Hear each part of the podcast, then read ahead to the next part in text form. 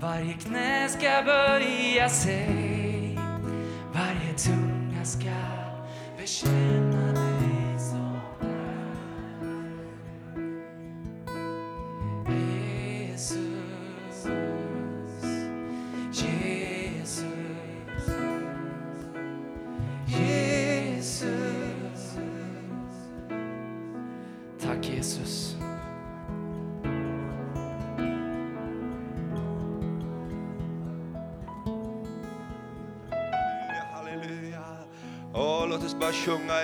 med tungomål. Åh, oh, halleluja. la la nilelebedia, ramanda. Oh, lelelelelele, bromomondelelele, dialalamando. Shiralalalala,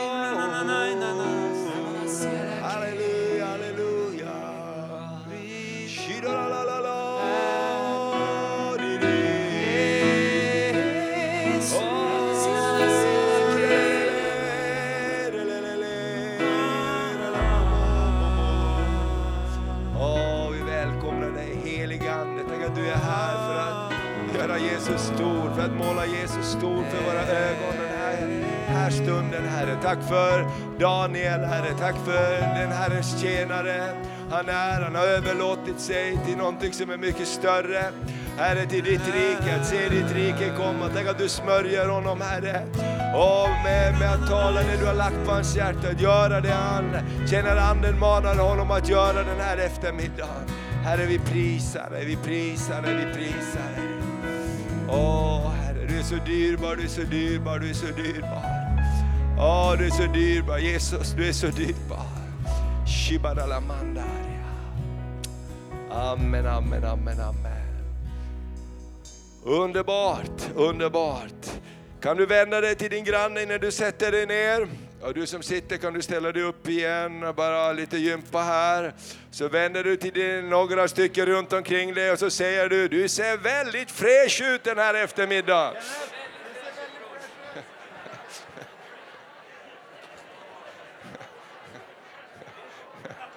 Pigg och fräsch. Amen. Fresh. Amen. Du ser fräsch ut. Pigg och fräsch. Oh, varsågod och sitt. Amen. Ett vänligt ord kan göra under. Amen. Vi är så tacksamma Daniel att du är här med oss den här dagen och den här konferensen. Och vi har skrivit att vi, vi tror att den här konferensen är större än det vi själva står i och det vi själva har. När vi kommer tillsammans så, så handlar det om Jesus, det handlar om Guds rike. Och jag bara säga, jag har lärt känna dig och känner inte dig personligen så mycket men vi har ju träffat varandra under åren och sett din, din ledarfunktion också. Och, och det som tar tag i mig det är att eh, för dig är innehållet viktigare än paketet. Vi är, vi, vi, är redo att, att forma om paketet därför innehållet är så dyrbart. Och man ser det som händer runt omkring i pingstkyrkorna och är på gång i pingstväckelsen. Eh, Vacker, vackert ord som min fru sa, pingstväckelsen det handlar om, om, om innehållet i paketet. Och då måste vi vara beredda att göra om och paketeringen många, många gånger för innehållet är så dyrbart. Och det gestaltar du på många olika sätt Daniel. Så välkommen och dela det du har på ditt hjärta. Ska vi ge Daniel en stor applåd?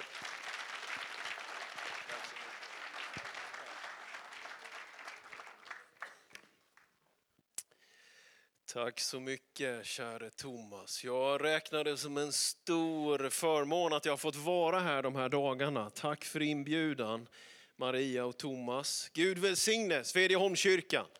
Och Gud välsigne trosrörelsen i Sverige. Och alla andra oss stackare också hoppas vi på lite välsignelse. Det räcker till oss också tror jag.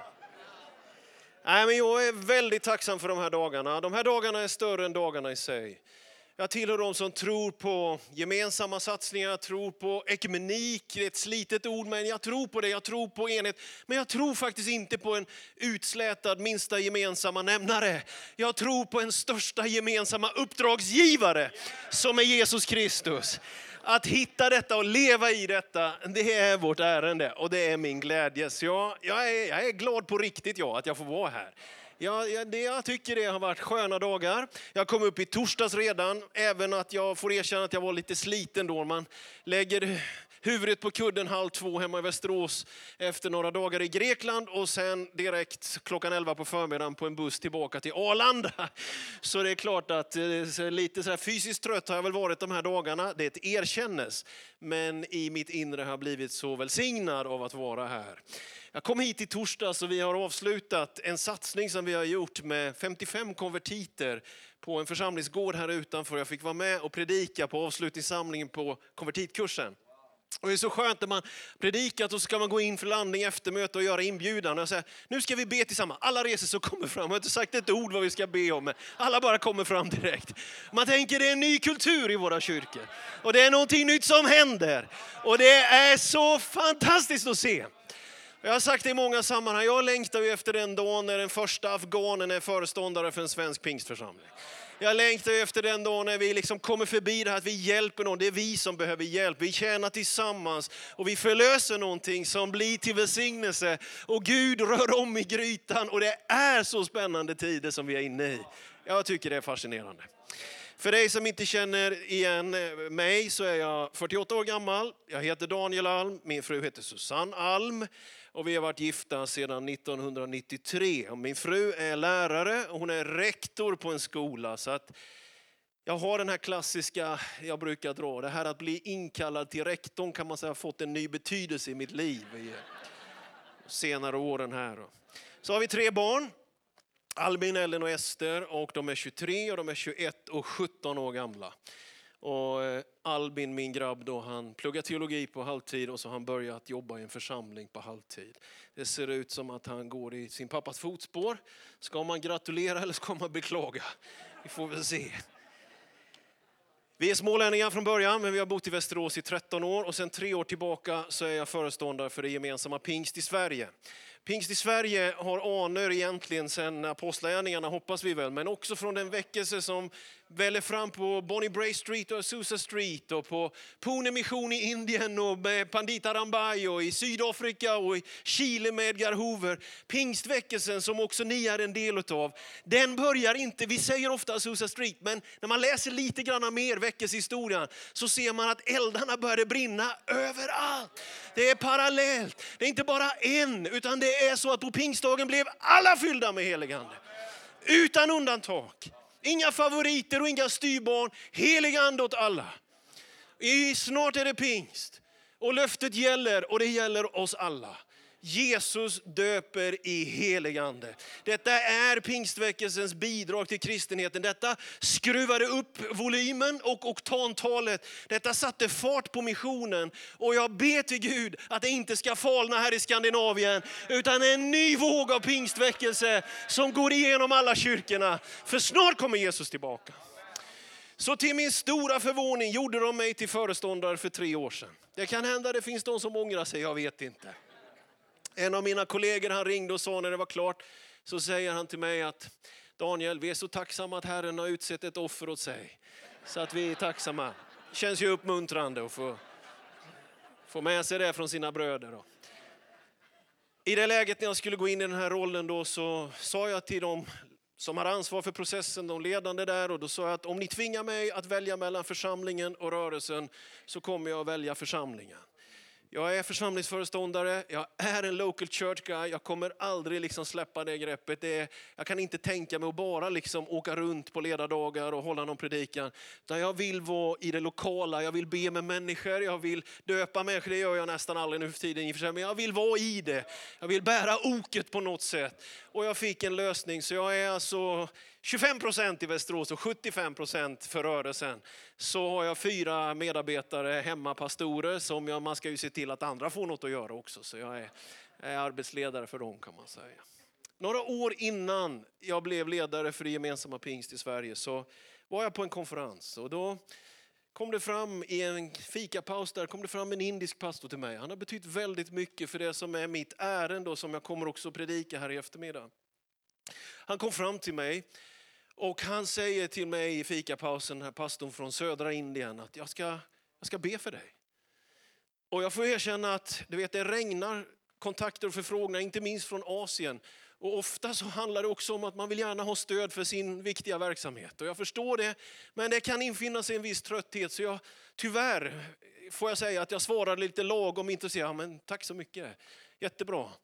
Och så märkte han nog det att jag inte var väldigt översvallande utan lite mer svensk, barskt, eh, tveksam, försiktig i mitt välkomnande av detta erbjudande om förbön. Så nästa dag kommer han till mig igen på nästa fikapaus och säger han, men Gud, du måste förstå Daniel, Gud har sagt till mig att jag ska be för dig. Och då tänkte jag, åh, nej men nu får jag börja tänka om. Så då tänkte jag, jag måste vara generös och jag gav honom i alla fall min mailadress. Så tänkte jag, vad händer med det här? Vad, är det? vad var det här?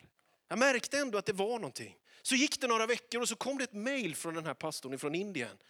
Och så skriver han till mig, jag vill komma till Sverige. Och då tänkte jag, ni vet jag är ju från Småland ja. Åh, det blir dyrt det här tänkte jag. Nu ska jag betala flygbiljetter och så vill han komma runt och predika. Så jag svarade, vad vill du? Vill du jag ska lägga upp möten för dig? Hur har du tänkt? Hur länge ska du vara här? Och jag fick igång hela Excel-arket, ni vet med alla kontrollfrågorna. Då svarar han, med, han börjar ju tröttna på mig den här. Gud lägger ner i hans hjärta och be och vara en förebedjare för mig och jag är mycket tveksam till att ta emot denna förbön. Så man, han börjar tröttna, han svarar, nej jag ska komma till Sverige för att träffa dig Daniel och jag ska betala min flygbiljett själv, skriver han. Wow, tänkte jag. Vad är det här? tänkte jag. Så han kommer till Sverige. Och när vi har några dagar tillsammans hemma i Västerås och han medverkar i något möte och sådär, men det var väl inte grejen. Utan i ett läge där så på något sätt för han fram sitt ärende till mig som har blivit mitt ärende till den svenska kristenheten i allmänhet och till pingströrelsen i synnerhet. Han säger till mig tre år före att jag fick frågan om att bli föreståndare för pingst i Sverige. Gud kommer leda in dig i större uppgifter. Det du ska göra då, det är att du likt Isaks tjänare ska gräva upp igengrävda brunnar som det står om i första Mosebok. Det står om att Abraham hade grävt upp brunnar i landet som filisterna hade öst igen. Men Isaks tjänare letade efter dem och grävde upp dem igen. Det är det du ska göra Daniel. Det är det enda du ska ägna dig åt. De karismatiska brunnarna av andens gåvor, av andens frukter, av andligt ledarskap, av att tjäna i den heliga. Det är ditt uppdrag Daniel, säger den här indiske pastorn. Och då, äntligen, kunde jag ta emot. Och så kände jag det. Jag ska gräva upp brunnar. Inte bara jag, du och jag, vi. Men det har blivit på något sätt mitt ärende att driva en utveckling som jag tror vi är i desperat behov av i alla våra kyrkor. Oavsett samfund, etikett, vad vi är, om vi är metodister, baptister eller cyklister. Va? Det spelar ingen roll. Men utan den helige ande, ingen kyrka på jorden utan den helige ande, ingen möjlighet att be. Utan den helige ande, ingen expansion. Utan andens verk, ingen äkta Jesus kärlek. Det har blivit något sjukt i den svenska kristenheten när en del har förklarat all karismatik i stort sett för osund. Jag vill säga att det mest osunda när det gäller det karismatiska, det är frånvaron av karismatik. Det är det allra mest osunda. Vi behöver en våg. Vi behöver denna eld, att den får brinna. Vattnet måste bryta fram.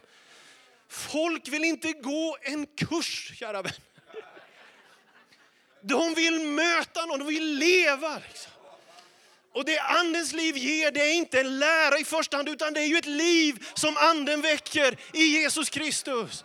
Det är ju någonting som trycker på till att röra sig utåt och älska människor mer än institutionen kyrkan. Man brukar säga om pingstvännerna att de är bättre på frälsning än på församling. De är bättre på att nå människor än att ta hand om dem. Och ibland tror jag att det är sant. Men jag tänker att det får gärna vara så. För att om vi ska vara en grupp som ska sitta och titta på varandra och tycka och tänka och ha enkäter och ut. Det var för hög ljudvolym, det var för låg ljudvolym. Varför springer han runt? Varför kan han inte stå still? Varför står han still hela tiden? Varför läser han grundtextens grekiska? Varför kan han inte vara lite mer spontan? Om vi har blivit en bunt av enkätinfyllare så behöver vi den helige ande på nytt igen. Oj, oj, oj. Jag kär.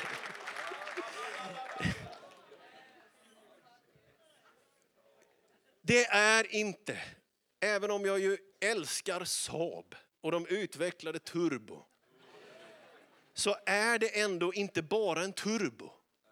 Det är inte en plusmeny på McDonalds. Det finns turbo i det och det finns en plusmeny i det. Men det är själva syftet, själva sätet, själva existensen att den helige ande blev utgjuten på pingstdagen. Det är inte något extra add-on, valbart som man gör som man vill med. Utan det är Guds strategi för att sprida frälsning till hela den här världen. Andens verk, andens vind, andens eld, elementen av liv är vad vi behöver. Vi behöver mer aktualisera än analysera. Vi behöver mer säga vårt amen än att tycka någonting om predikan. Generellt sett i den här debatten ni vet om musik och stilar så tycker jag personligen att det är för låg ljudvolym i kyrkorna. Många tycker att det är för, men mer, om jag ska ha ändå en uppfattning så tycker jag oftast att det är för mesigt och för lågt. Jag är själv gammal basist och jag tycker en bas, vet du, det ska inte höras, det ska kännas i hela kroppen. Det är min uppfattning.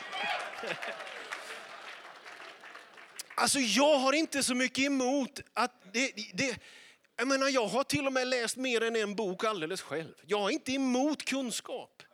Men jag tycker det är någonting vackert när en kyrka på något sätt älsk, sätter mer värde på att älska Bibeln än att fullt ut förstå den. Jag tycker det är något vackert när en kyrka brister ut i lovsång, när man når gränsen av sitt eget förstånd och förstår att nu tar Herren vid här.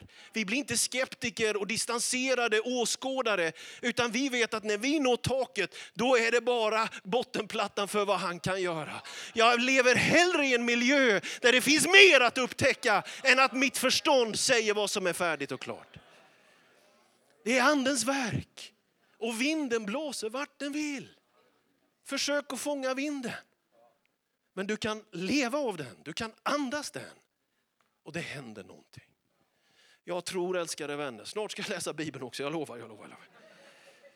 jag tror älskade vänner, att vi står i ett skifte nu där jag som ledare, där vi som ledare, vi på något sätt kommer att se att egoismen käkar upp sina sista smulor i kyrkorna.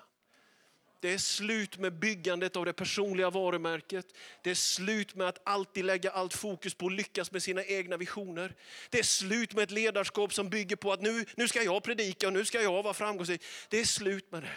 Det anstår inte ett andens folk, ett andens verk att utnyttja församlingen för egna syften. Gud använder församlingen för att vinna den här världen. Och vi måste göra upp med de egna ambitionerna, lägga dem platt och låta oss svepas med i andens vind till hela den här världen.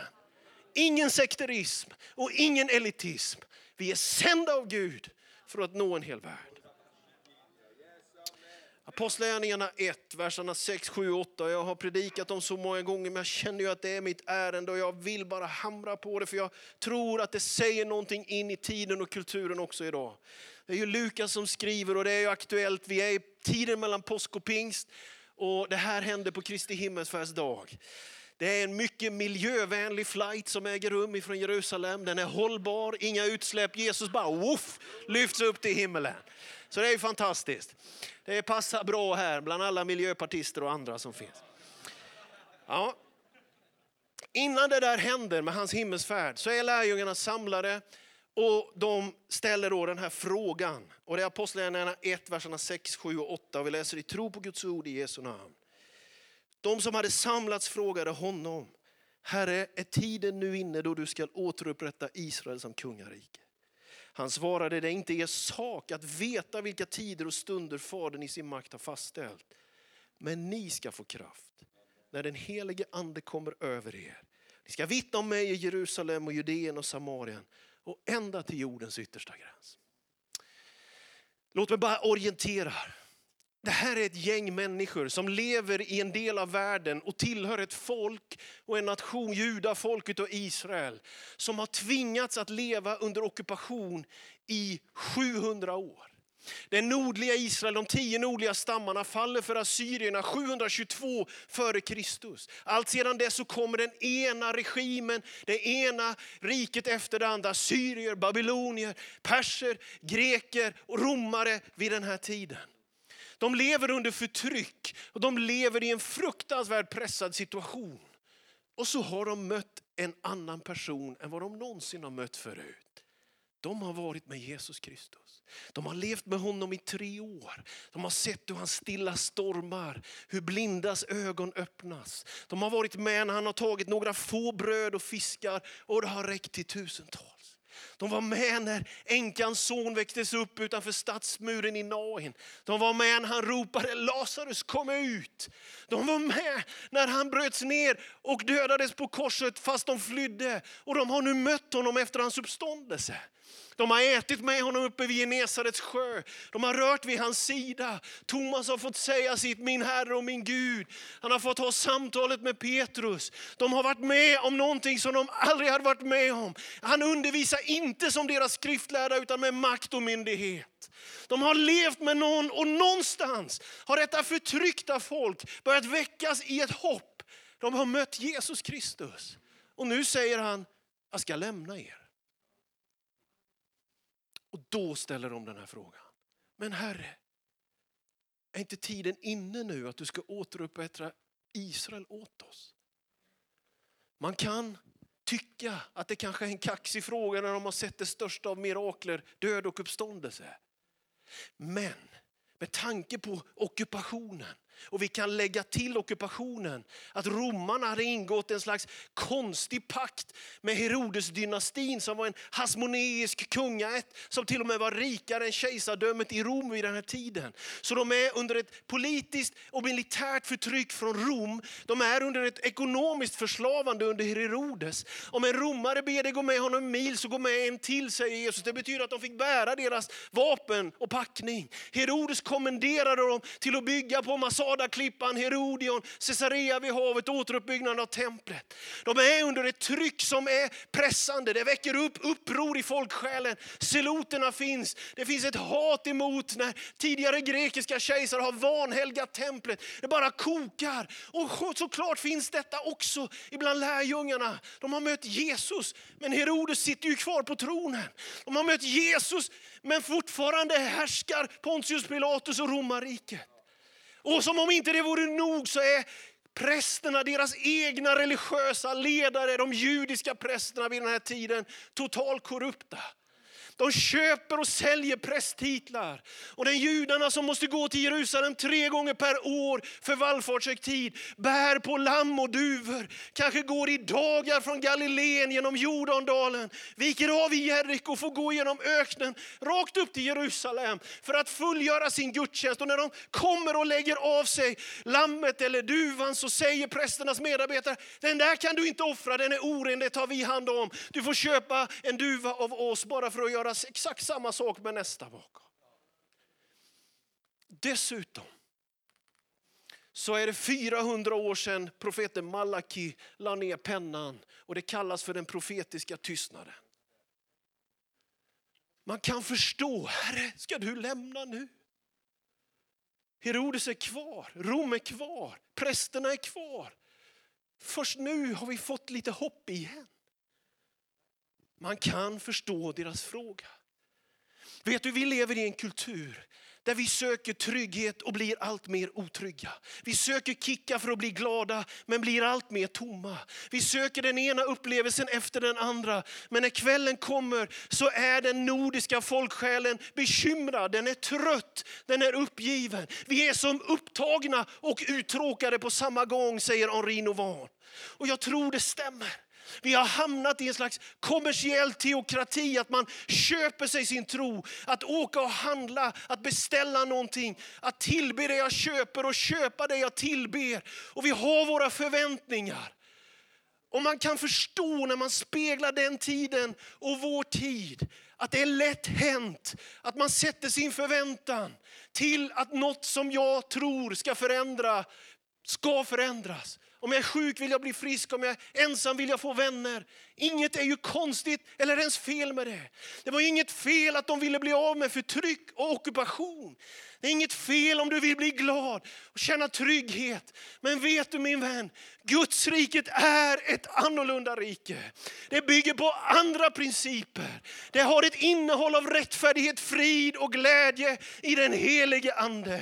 Och det känner inga nationsgränser utan det är till, till och med för romare, för korrupta präster, det är till för Herodes, det är till för de som spikar fast honom på korset. Vet du, Guds riket är till för dina fiender.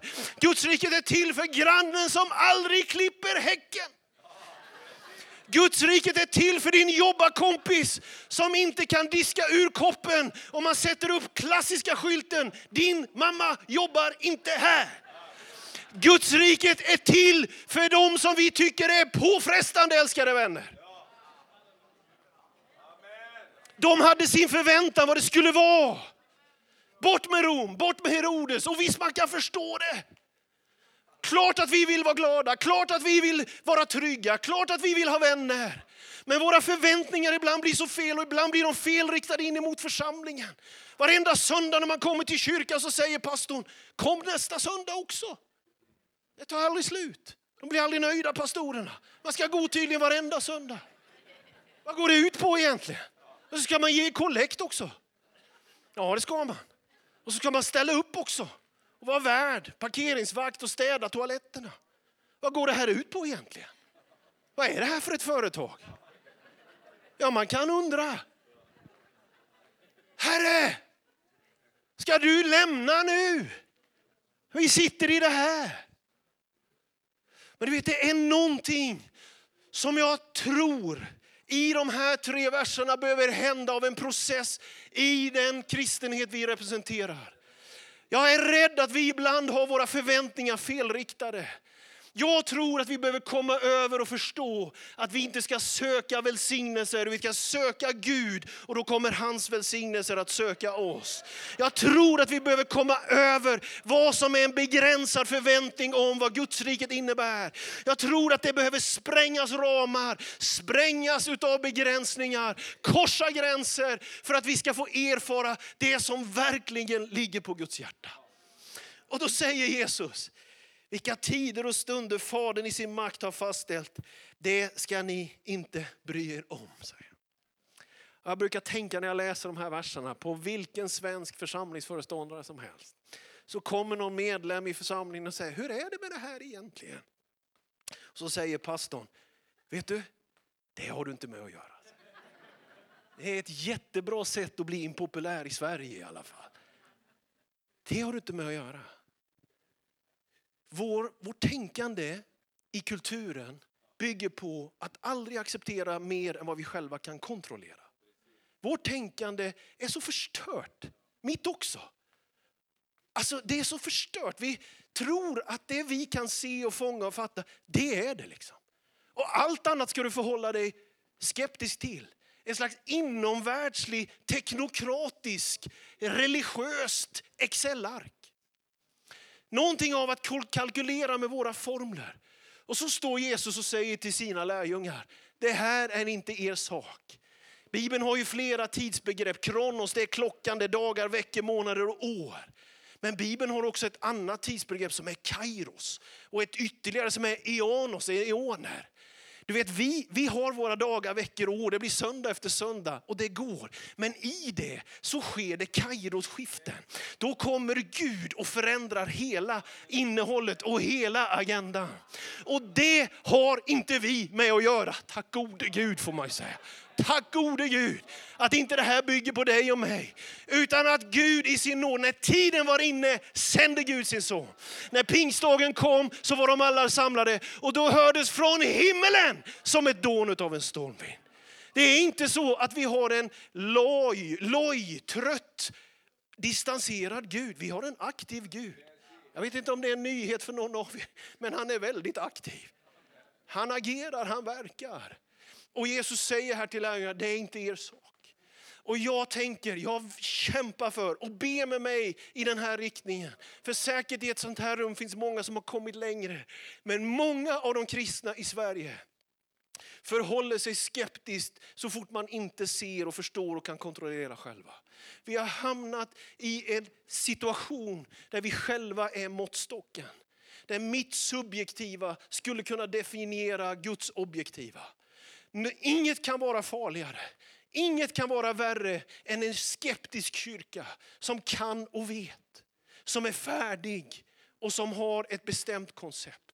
Vi behöver den helige ande för att spränga någonting här, bryta någonting här, förändra någonting här. När du inte förstår, när du inte kan kontrollera, då är det inte tid för skepticism min vän.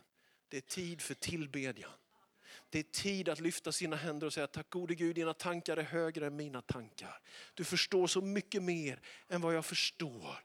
Du kan göra så mycket mer än vad jag någonsin kan göra. Så Jesus han säger, det är inte er sak. Och den svenska Excel-tanken leder till, det, det, det var märkligt det här.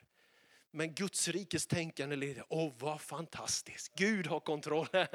Gud har hand Och vet du min älskade vän, så länge Herren lever kommer kyrkan leva också. Och han verkar leva av evighet alltså. Det är fantastiskt. Så det är någonting som pågår i den här processen med lärjungarna inför hans himmelsfärd. De har sina frågor och vi har våra frågor, vi har våra förväntningar. Och så tar Jesus över och säger, detta är mitt, detta är mitt beslut, detta är min kontroll. Och jag vet att det svider, men en del i det här rummet, mig inklusive, vi behöver de mötena med Gud. När vi på något sätt kapitulerar. När vi släpper garden, släpper agendan och säger inte min vilja, din vilja. Vi behöver vårt Getsemane ibland älskade vänner. Vi behöver göra upp med våra felaktiga förväntningar och låta någonting ske som förvandlar hela våra liv. Det är inte er sak, säger Jesus. Det kan verka negativt men åh vilken själavård det är. Det är inte vi som bär tron, det är tron som bär oss. Halleluja, halleluja, halleluja. Och i det här kommer en, en slags förnöjsamhet, en slags vila. Och jag, jag måste ärligt säga att jag, jag tror, jag, jag, försöker säga till våra pastorer, jag försöker undervisa i den riktningen. Jag, jag är själv en producer, jag vill göra mycket, jag vill driva projekt. Jag har varit en pastor som har lagt mycket av mitt fokus på tillväxt. Fler döpta, fler verksamheter. Det går alltid att expandera mer. Det går alltid att göra nästa, nästa, nästa, nästa projekt. Och jag har gjort det ena efter det andra. Jag kommer ihåg en gång, jag brukar berätta om mina dåliga exempel bara för att trösta någon stackars pastor i rummet. Så. Jag minns jag var pastor och jag fick en vision om att vi skulle bjuda hela stan på tårta. Och jag fick en dröm där och fick loss eh, entreprenörer, sätta in helsidesannonser. Jag fick igång hela tårtbakargenen i hela församlingen. Vi hade tårtet i hela stan. Vi hade scener, körer, vi hade helsidesannonser flera veckor innan. Och vi skulle bara vinna hela stan genom en enda lördag där.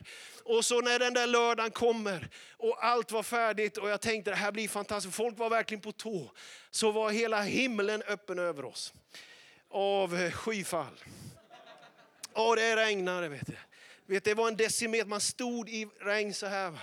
Och de mest lojala medlemmarna i församlingen kom och svängde in där, öppnade dörren, slängde ut sin tårta och sa, här har ni, hej då. Liksom.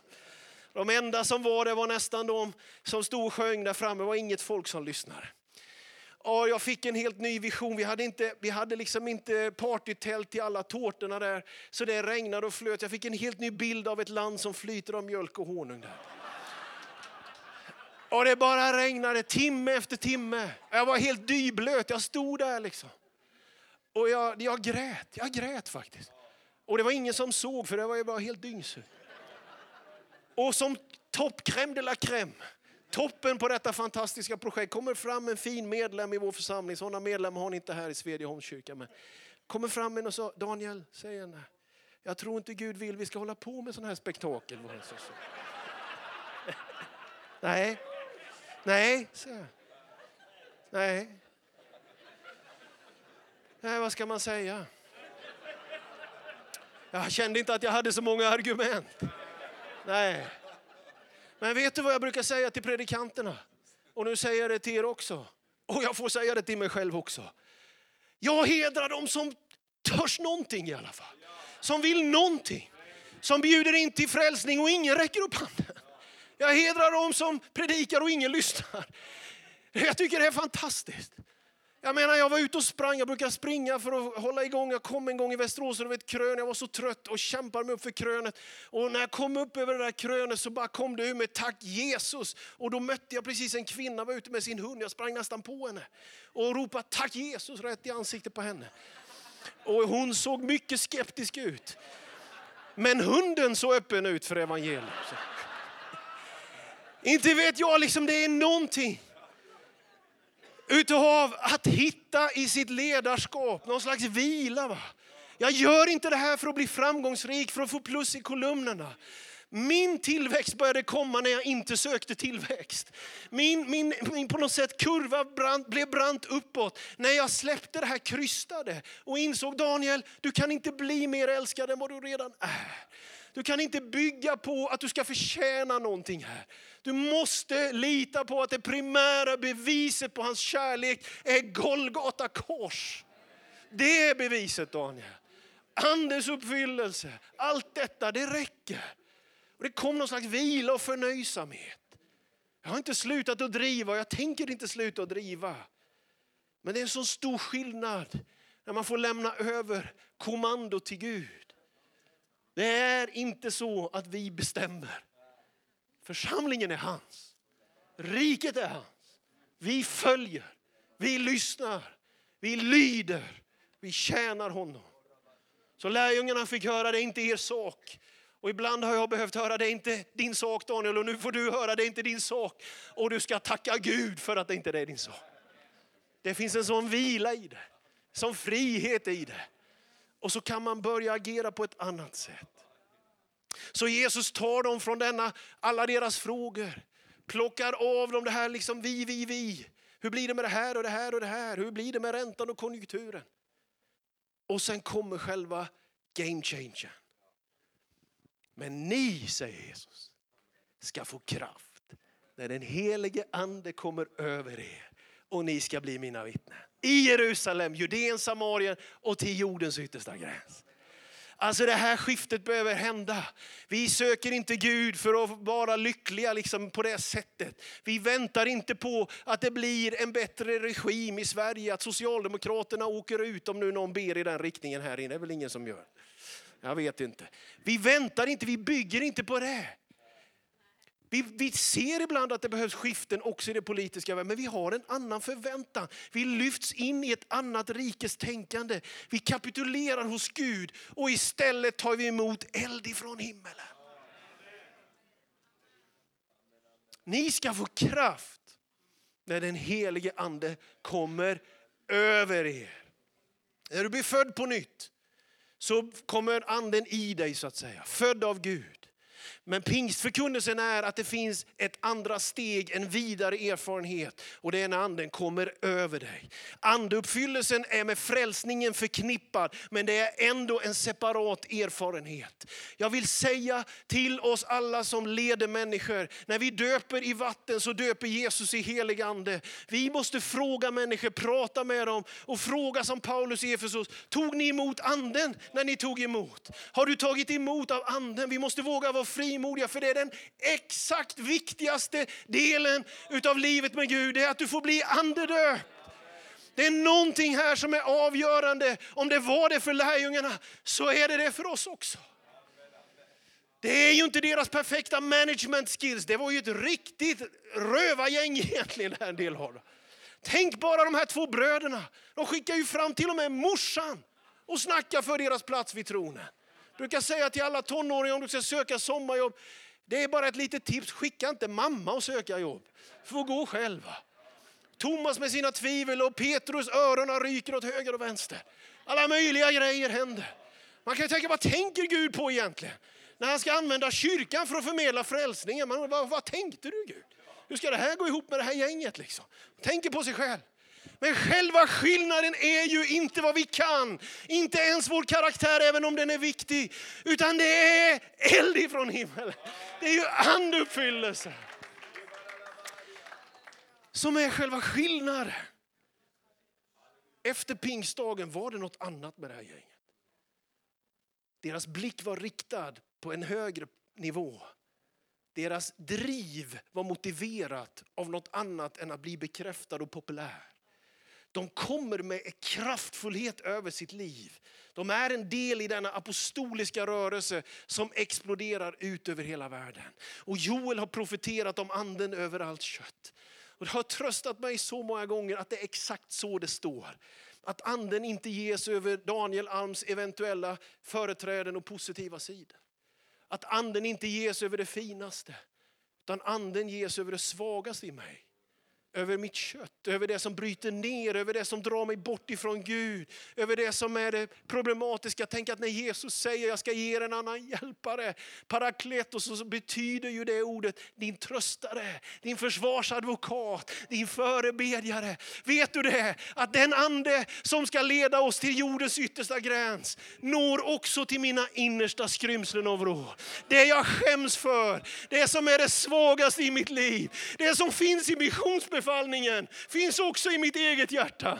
Det som finns av bräcklighet inom dig är samma heligande som ska sända dig till nationerna.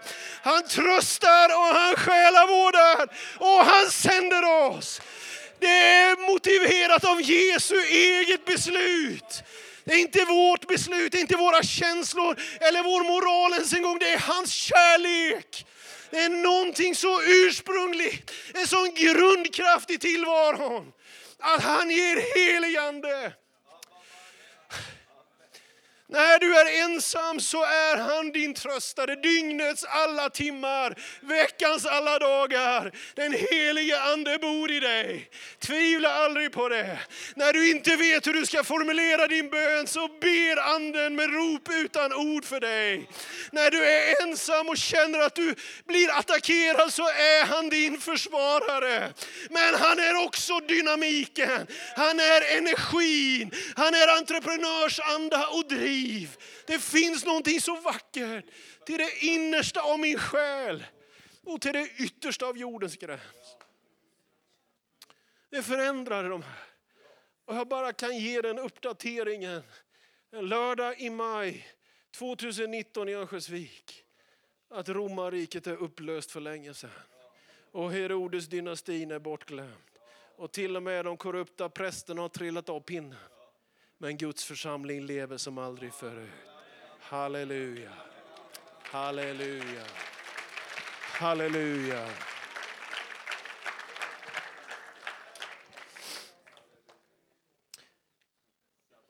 Det som ligger framför oss nu tror jag verkligen är karismatik och diakoni. En innerlig, varm, lovprisande, tungomålstalande kyrka som är i kontakt med nöden och utsattheten i samhället. Och jag tänker att vi är på väg in i en ny, vi ser tecken på det redan. Vi har sett det i den svenska pingsten i många församlingar. Att faktiskt har flyktingvågen förändrat oss. Sedan 2015 så är många av våra församlingar väldigt annorlunda.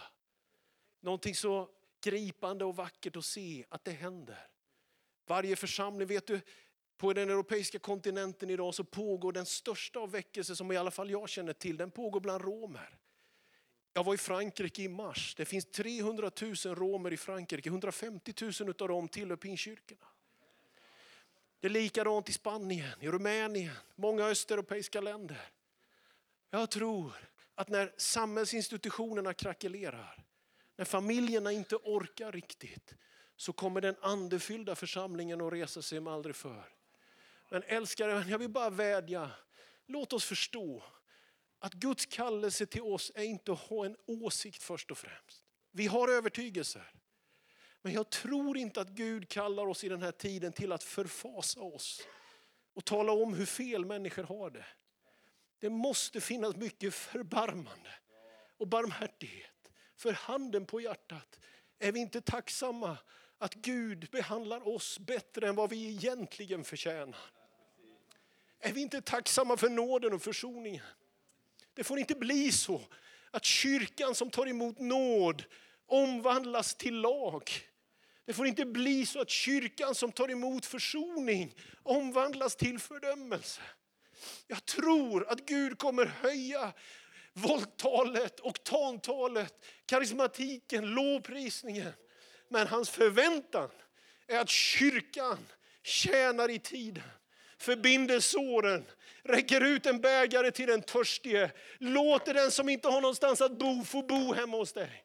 Låter den som saknar hopp få känna hopp, få komma in i ett rum där man inte är ett problem utan där man känner det fanns en plats för mig. Jag tror att vägen framåt är karismatisk och diakonal. Jag tror verkligen det.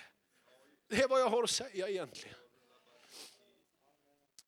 Det andliga ledarskapet måste bara på något sätt öka alla sociala konton så mycket vi kan. Vet, man blir inte ledare på det man tar utan på det man ger.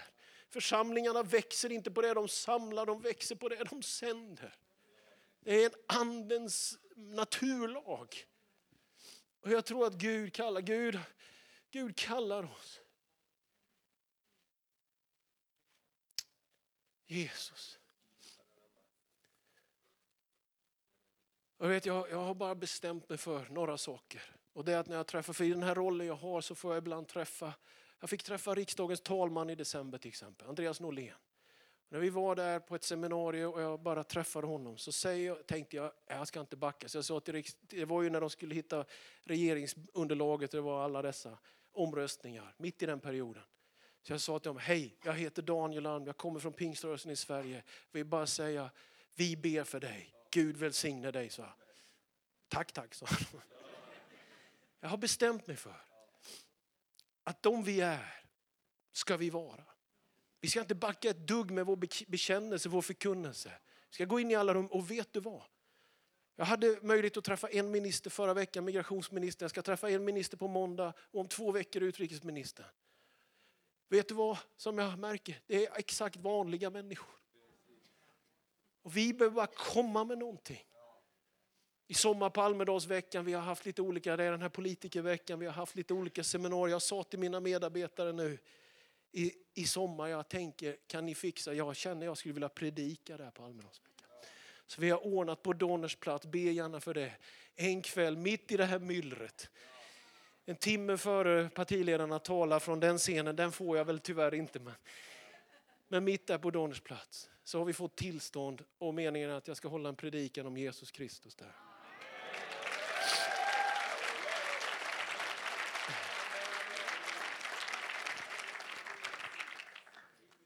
In i alla världar. In i alla världar. Men Guds församling har aldrig mått väl av att bara vilja frottera sig. Utan det är missbrukarna. Det är de ensamma. Det är de som kämpar med psykisk ohälsa. I våra församlingar ska de känna att de är hemma. Och om vi letar bland de utsatta så kommer det att påverka våra beslutsfattare. Karismatik och diakoni. Är ni med mig älskade vänner? Kan vi bara ta en stund, jag, jag gör inte inbjudan, ni kommer säkert ha betjäning och förbön ikväll, men kanske du bara böjer dina knän över salen där vi är, om vi är. Låt oss söka Gud en stund och be till honom. För våra nationer, för Norden, för församlingsrörelsen Oh, det finns varningar, släck inte anden står det. Det står bedröva inte den heliga Det finns varningar.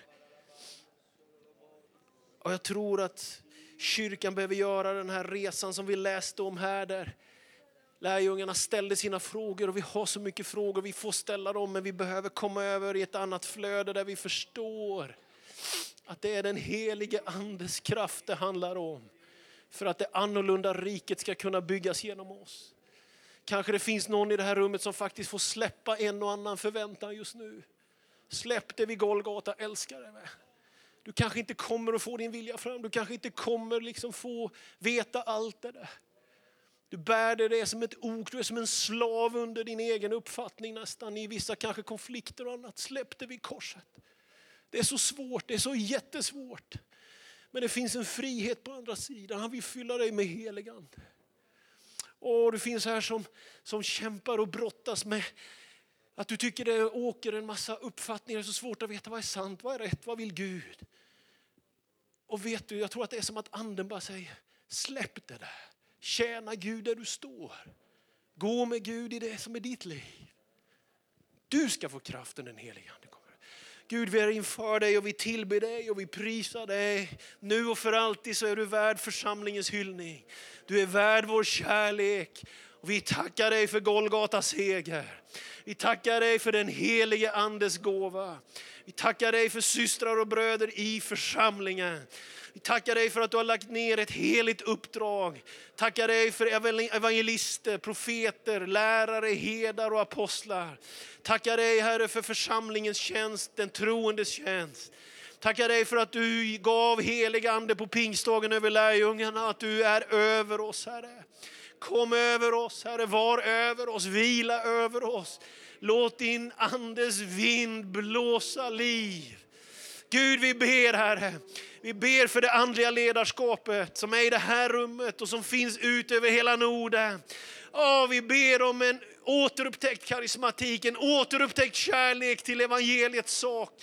Åh Gud, vi ber att få ställa våra frågor i rätt riktning och rikta vår förväntan.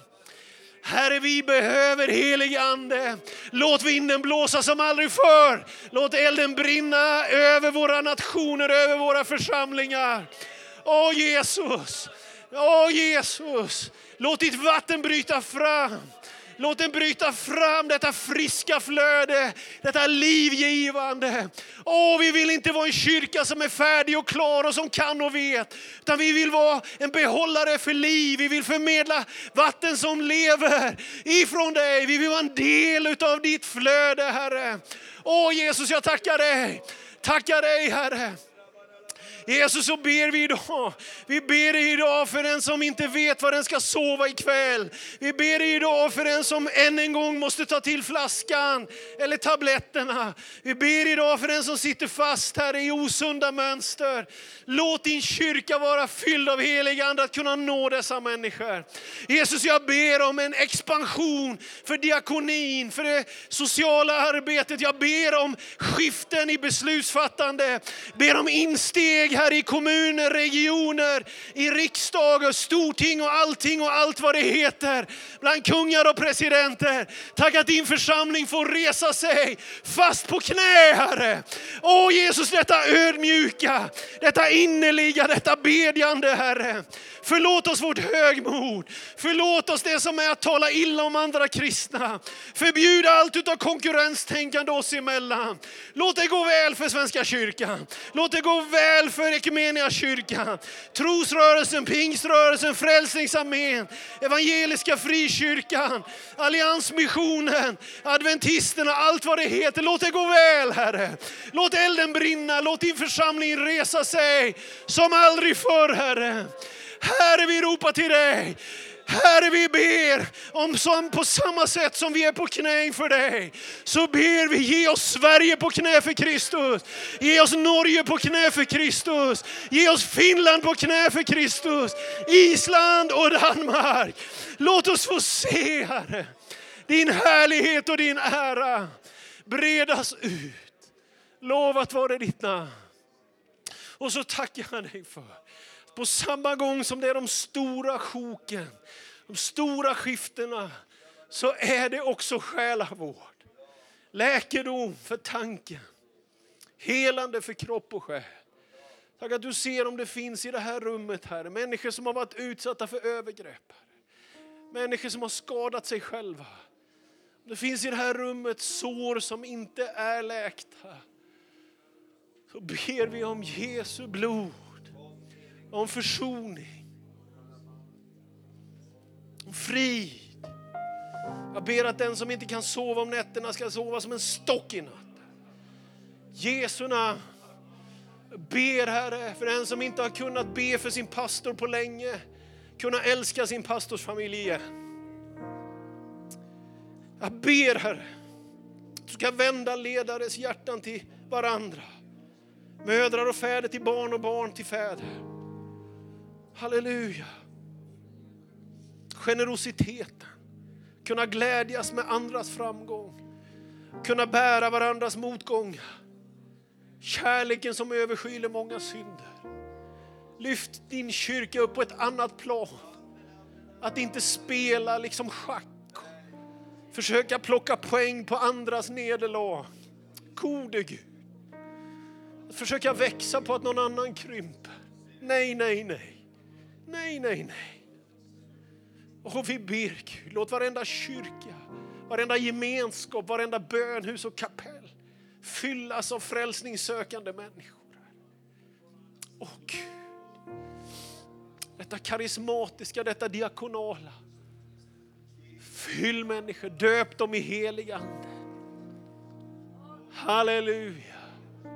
Halleluja. Herre, vi, vi utber oss drömmar, syner och uppenbarelser. Vi utber oss tecken och under, mirakler. Åh Gud, vi utber oss detta. Väck oss på nätterna. Halleluja. Massikaramande. Ibrasikaramande. Halleluja. Halleluja. Halleluja. Halleluja. Jag ska alldeles strax avsluta, men medan vi är i bön så gör jag en kanske annorlunda inbjudan och den kommer gå snabbt. Det kommer att gå snabbt. Men de här fem tjänstegåvorna, apostel, profet, herde, evangelist och lärare. Du som känner stråk till något av dem, så vill jag bara be en bön för dig. Du kanske inte kan säga jag är 100% apostel, men det apostoliska bryta fram, det profetiska att höra från Gud, det evangelistiska såklart nå människor, omsorgen, hederskapet och förankring i lärandet. Du som känner dig dragen till det profetiska, räck din hand just nu. För bara be. Jesus, jag ber för alla profeter i det här rummet. Jesu välsigna namn, beskydda deras sinne och tanke. Låt den bara vara den stringenta laserstrålen som ska bryta igenom. Ord i rätt tid, det proaktiva. Du ska bevara dem ifrån bitterhet och besvikelse och du ska låta dem ha en proaktiv ande över sig att se nästa steg i Jesu namn. Evangelisterna i det här rummet, kan ni räcka er hand? Som brinner för ateister, nå muslimer, nå dem som ingen har nått. Jesus, jag tackar dig för alla som längtar ut hela tiden. Tackar dig för att du har gett oss dessa spjutspetsar med denna längtan och hunger i Jesu namn. Ber om öppnade dörrar, stora arenakampanjer, stora skiften. Men också det enskilda mötet.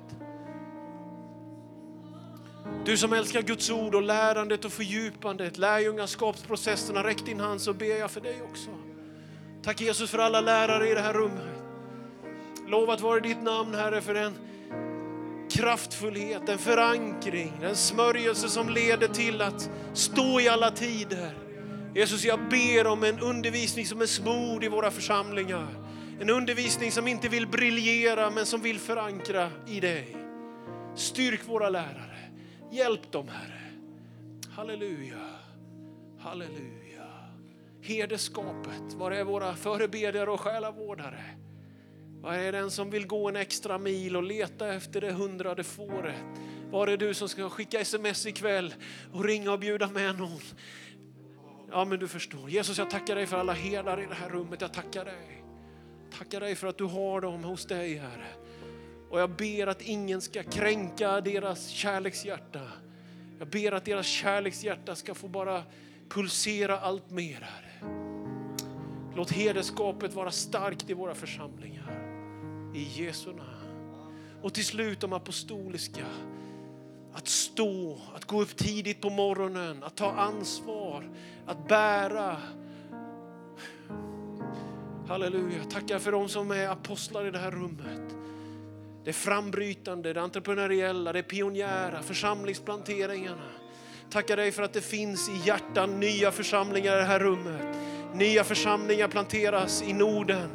Nya församlingar, kanske i Afghanistan, i Iran, nya församlingar i Frankrike, nya församlingar i Spanien. I Jesu välsignade namn. Jag tackar dig Herre, jag tackar dig för apostlar som vill ha blåstället på, som är beredda att göra ett grovarbete i den tid som ligger framför. Tack för din kyrka, tack för ditt folk. I Jesu namn.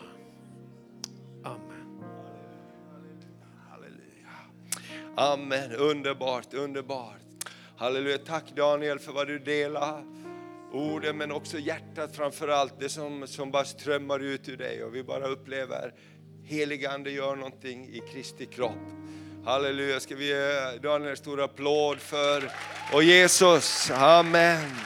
Halleluja, vi bara tackar dig Herre, vi bara tackar dig Herre. Amen, och vi bara ber och välsignar pingströrelsen, pingstväckelsen som vi alla faktiskt är en del av, men den del av den som Daniel leder här i landet. Herre, vi vill bara stå tillsammans och vi vill välsigna Herre, tänk att du förlåter oss när vi talar ord som inte är uppbyggliga, utan Herre, vi vill gå upp på ditt berg Herre, vi vill vara inför ditt ansikte och där finns det inga olika bröder och systrar, utan där finns det en Guds familj. Där finns det en Guds familj. Där finns det en Guds familj. Åh, där finns det en Guds familj. Åh, där finns det en Guds familj. Åh, vi bara välsignar, vi välsignar, vi välsignar. Kibro balasi, kebra malasanta. Åh, vi bara tackar dig, vi bara tackar dig, vi bara tackar dig. I Jesu namn, i Jesu namn, i Jesu namn. Åh, vi bara prisar dig, vi bara prisar dig, vi bara prisar dig. Tack för din härlighet, Herre. Tack för krossade hjärtan, Herre. Åh Jesus, Jesus, det som är hårt i våra hjärtan, Herre, det krossar du. Och du smälter det samman, Herre. Du smälter det samman, Herre.